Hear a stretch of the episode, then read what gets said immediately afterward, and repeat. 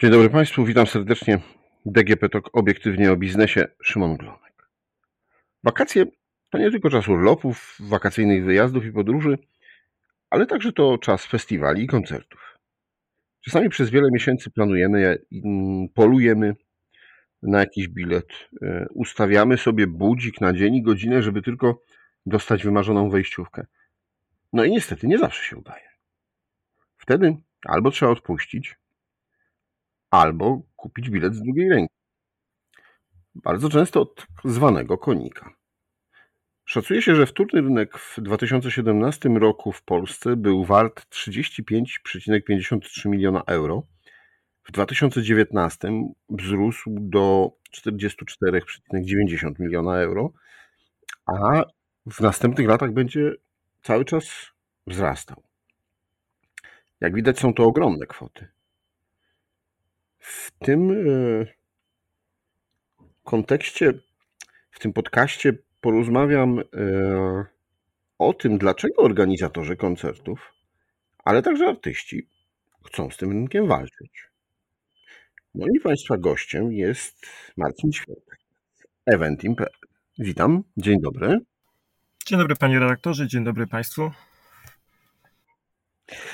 Dobrze, Panie Marcinie, zacznijmy od tego, że jak ktoś kupuje bilet, to ten bilet staje się jego własnością.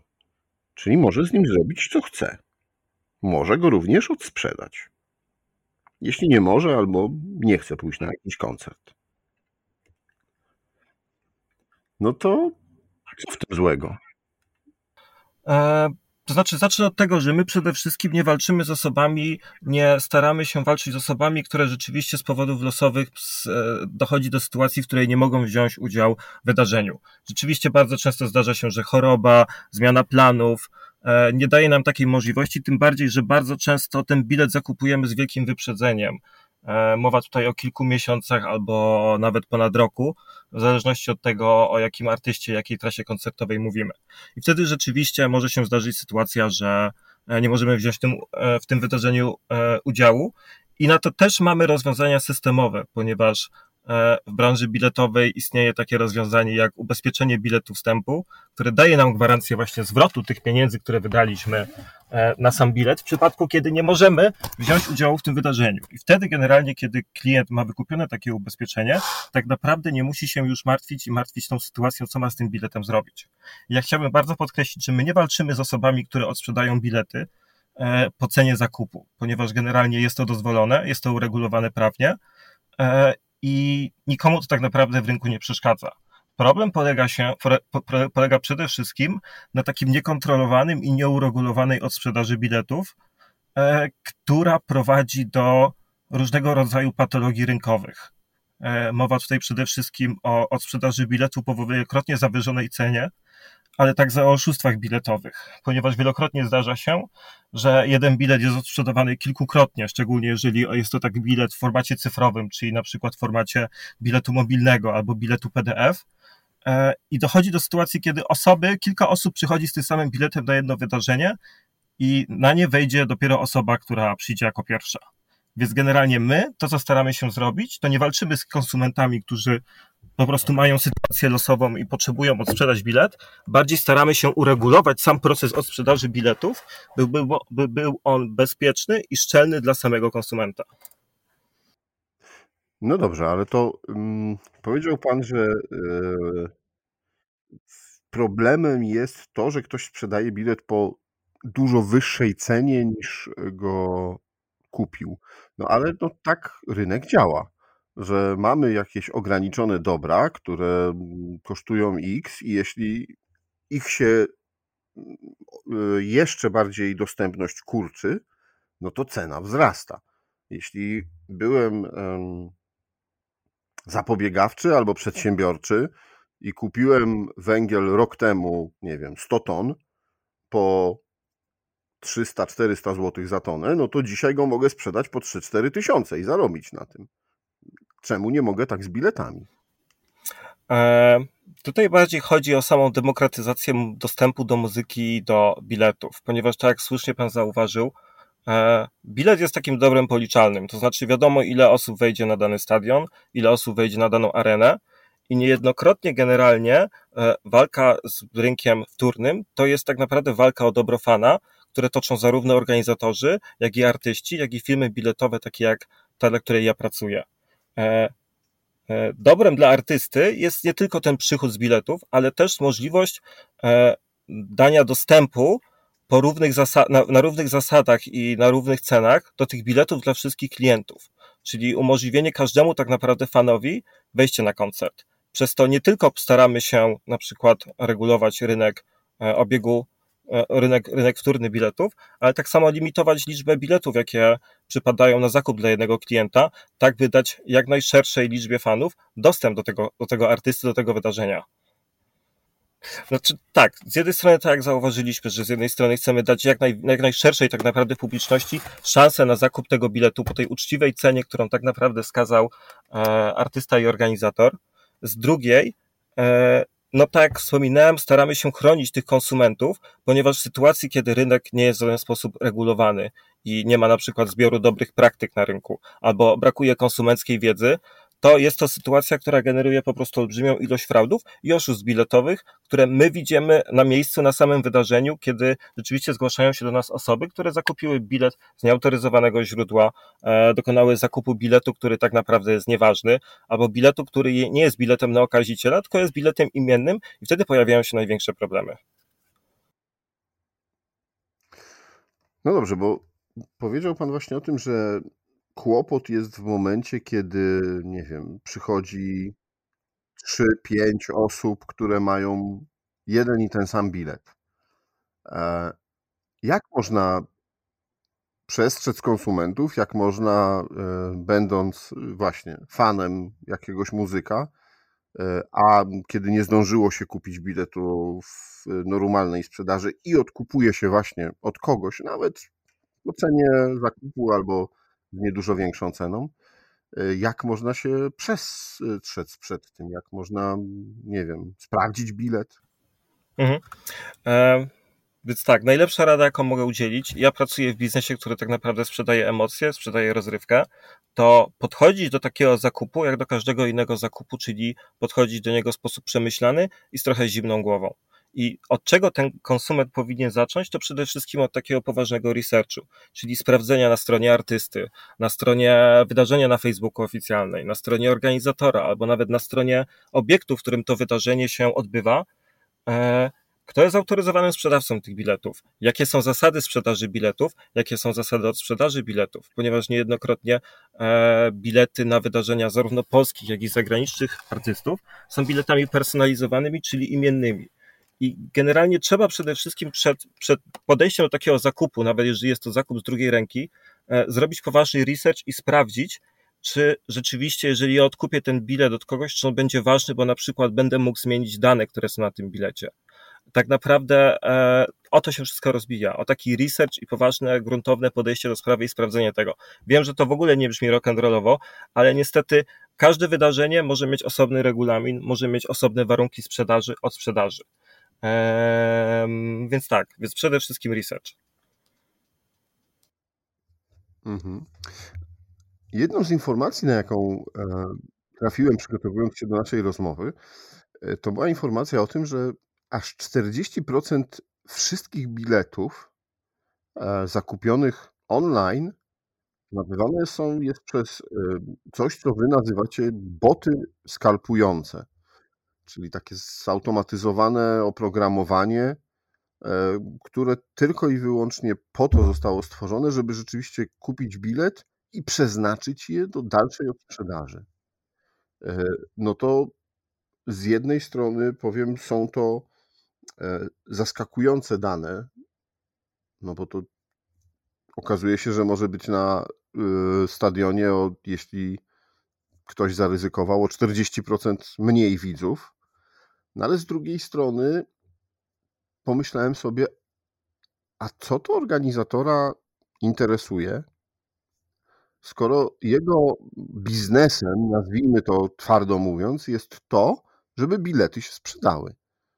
Jeśli bilety się sprzedadzą, to nieważne kto je kupił, hajs się zgadza. Tak, z jednej strony ten e, wskaźnik finansowy, czyli przychodowość samego wydarzenia jest bardzo istotna, ale z drugiej strony e, przy tworzeniu e, bardzo dużych tras koncertowych, międzynarodowych, bardzo często sami artyści, sam management artysty stara się wprowadzić, narzucić pewne zasady, które warunkują tą, tą uczciwą sprzedaż czyli e, wymaga pewnych działań od takich firm jak moja, że strona jest odpowiednio zabezpieczona przed takimi botami przez wykrywanie jakichś niepożądanych działań albo zbyt podejrzanej aktywności na stronie blokująca możliwość zakupu przez e, takich podejrzanych, e, przez podejrzane urządzenia. Z drugiej strony tak samo przez tak zwane czeki posprzedażowe, czyli sprawdzenie, czy na przykład ktoś nie przekroczył limitu, płacąc jedną kartą kredytową za kilkanaście zamówień e, i anulacja takich zamówień, które są podejrzane lub staramy się wyjaśnić taką sytuację. Więc z jednej strony ten, e, jeżeli kasa się zgadza za wydarzenie, to super, ale z drugiej strony my tak samo mamy pewne obowiązki w stosunku do fana i tak samo do artysty, który na tą scenę wychodzi, ponieważ on ustala reguły i on stara się dbać o to, żeby ten dostęp do biletów był jak najbardziej uczciwy i sprawiedliwy dla każdego fana. To cały czas rozbija się trochę o tą demokratyzację muzyki, czyli danie wszystkim możliwości udziału w wydarzeniu. No to tu mi przychodzi kolejny przykład taki. Mhm. Fan klub Eda Shirana. Składa się, nie wiem, z 40-50 osób w jakimś tam miasteczku. No i oni wszyscy stwierdzają, proszą, nie wiem, swojego prezesa fan klubu, czy tam lidera, słuchaj e, Kasiu, słuchaj Janku, kup nam e, tu bilety, mm, robimy składkę po tyle, ile powinniśmy, no i on płaci za 40 biletów. Więc jeżeli są takie możliwości, to my takie możliwości rzeczywiście udostępniamy. Jest możliwość tworzenia e, realizacji zamówień grupowych, o ile na dane wydarzenie taka możliwość jest dopuszczona. Natomiast, szczerze mówiąc, zwykle ona nie jest dopuszczona, na pewno przy takich ilościach. E, współpraca artysty, managementu, organizatora z fanklubami wygląda trochę inaczej, ponieważ bardzo często dedykowane fankluby e, mają swoje przedsprzedaże, do której trafiają jakieś limitowane pule biletowe i oni mają możliwość zakupu tych biletów wcześniej.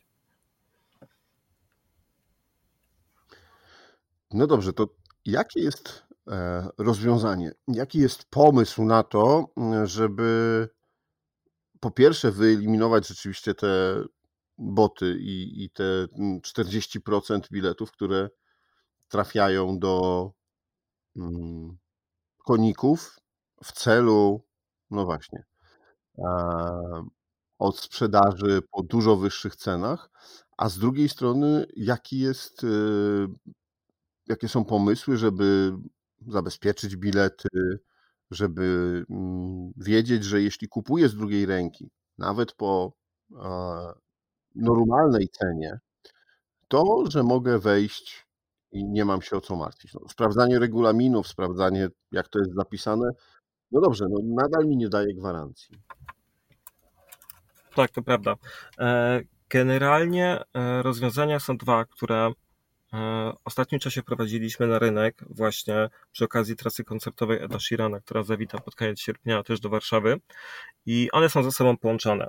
Pierwsze rozwiązanie to jest e, nowy format biletu, który nazywa się Eventim Pass. Jest to bilet e, w pełni cyfrowy, do którego dostęp ma jedynie osoba, która dokonała zamówienia i ten dostęp jest warunkowany jedynie poprzez posiadanie aplikacji mobilnej eventim.pl i dostęp do konta swojego na eventim.pl. Jest to bilet, który tak naprawdę od momentu zakupu jest nieaktywny i którego kod QR, który musi zostać zeskanowany przed wejściem, e, aktywowany jest na krótko przed wydarzeniem. E, ten bilet jest zabezpieczony przed robieniem jakichkolwiek rzutów ekranów, nagrywania ekranu, więc tak naprawdę e, nie można go komuś innemu przekazać bez, bez jakiejś tam kontroli i szczelności całego procesu. E, z drugiej strony wymagana tak samo była na całej trasie koncertowej weryfikacja podwójna SMS-owa, czyli klient, który generalnie chciał aktywować swój bilet, musiał potwierdzić swój numer telefonu e, albo urządzenie, z którego korzystał. I to jest jedna strona, czyli taki bardzo szczelny i e, bezpieczny bilet, który aktywuje się na krótko przed wydarzeniem, czyli staramy się skrócić ten okres, w którym może dojść do jakiejś nielegalnej próby odsprzedaży. E, z drugiej strony wprowadziliśmy e, Marketplace, platformę, która służy do sprzedaży biletów pochodzących z naszego systemu w modelu od fana do fana. E, jest to serwis fansay.pl, w którym każda osoba, która zakupiła bilet na choćby tą trasę koncertową, ma możliwość wystawienia go po cenie nie wyższej niż cena zakupu do sprzedaży. I jest to pewne narzędzie, które, serwis, który jest połączony w sposób bardzo organiczny, tak samo z serwisem Eventim.pl, czyli osoba, która szuka na przykład właściwie biletów na wyprzedany już koncert Eda Sheerana y, y, i szuka to, szuka tych biletów u nas w autoryzowanym punkcie sprzedaży, e, z naszej strony może dowiedzieć się, że może ten bilet odkupić e, w procesie, który tak naprawdę przechodzi przez nasze systemy, więc my mamy pewność tego, że bilet, który jest stawiany do sprzedaży, jest autentyczny że cała transakcja przebiega pomyślnie i jest w pełni bezpieczna i w miejsce starego biletu wygenerowany jest zupełnie nowy bilet, ten bilet odkupiony, co daje po prostu gwarancję e, funkcjonowania tego rozwiązania na rynku i całej sprawności i bezpieczeństwa tego procesu. Więc tak naprawdę są to dwa, dwa organizmy połączone. Eventim Pass, nowy format biletu i platforma Fansay.pl, która jest takim pierwszym tak naprawdę autoryzowanym i w pełni bezpiecznym e, marketplacem do sprzedaży biletów w Polsce. Okej, i y, rozumiem, że też te bilety z drugiej ręki wtedy fan może kupić y, po cenie, jaką wy sprzedawaliście w normalnej sprzedaży. Tak, potwierdzam. Generalnie jest możliwość stawienia biletu i odkupienia biletu po cenie, po jakiej ten bilet został wcześniej zakupiony. Czyli oryginalnej. E, istnieje też możliwość, jeżeli ktoś chce, może odsprzedać ten bilet odrobinę taniej, do 50% jego wartości. Okej, okay. a 50% drożej? Nie, niestety nie. Generalnie wynika to e, z, aktualnie, z aktualnych przepisów prawa, ponieważ e, e, kodeks wykroczeń reguluje tą sytuację w artykule 133, który mówi, że odsprzedaż biletów zyskiem jest po prostu zakazana. Jest to wykroczenie polegające karze grzywny lub ograniczenia wolności. Kończąc naszą rozmowę, zapytam, bo z pewnością Pan się orientuje, czy Polacy wrócili na płyty stadionów, na koncerty, nie wiem, w różne otwarte miejsca, na festiwale. Czy to wszystko, co w te wakacje odbywa się, to odwiedzamy tłumnie? Tak, zdecydowanie. Generalnie mamy e, taki sezon, który jest kumulacją wydarzeń, ponieważ e, z racji na sytuację pandemiczną mnóstwo wydarzeń nie mogło odbywać się przez ostatnie dwa lata, więc wydarzenia, które były zaplanowane na przykład na rok 2020, teraz powróciły. E, I mówimy tutaj zarówno o takich regularnych trasach koncertowych polskich i zagranicznych e, wykonawców, jak i po prostu o festiwalach, które e, no, przez dwa lata nie mogły funkcjonować i teraz wróciły. Więc tak naprawdę Polacy ruszyli z domów na te wydarzenia, ale też mieli moim zdaniem niespotykane możliwość wyboru z tej oferty koncertowo-rozrywkowej, jaka była na rynku. E, więc tak, więc generalnie na pewno, na pewno ruszyliśmy i spędziliśmy e, to lato i spędzamy cały czas e, na festiwalach, koncertach, czy to plenerowych, czy arenowych. Mhm. No dobrze, proszę Państwa, jeszcze trochę lata przed nami, jeszcze na pewno sporo koncertów i wczesną jesienią, no i na końcówce lata, mm, więc warto, jeśli ktoś się spóźnił z zakupem biletu, no właśnie, posłuchać e, rad, e, żeby niekoniecznie no, rozczarować się też w momencie, kiedy okaże się, że z jakiegoś powodu nasz bilet jest nieważny, albo y, przepłaciliśmy za niego i w dodatku jeszcze nie możemy wejść na nasz wymarzony koncert albo festiwal. Dziękuję Panu bardzo za rozmowę. Moim i Państwa gościem był Pan Marcin Świerczek z eventim.pl. A to Dziękuję było bardzo. DGP Talk, obiektywnie o biznesie. Rozmawiał Szymon Glonek. Do usłyszenia.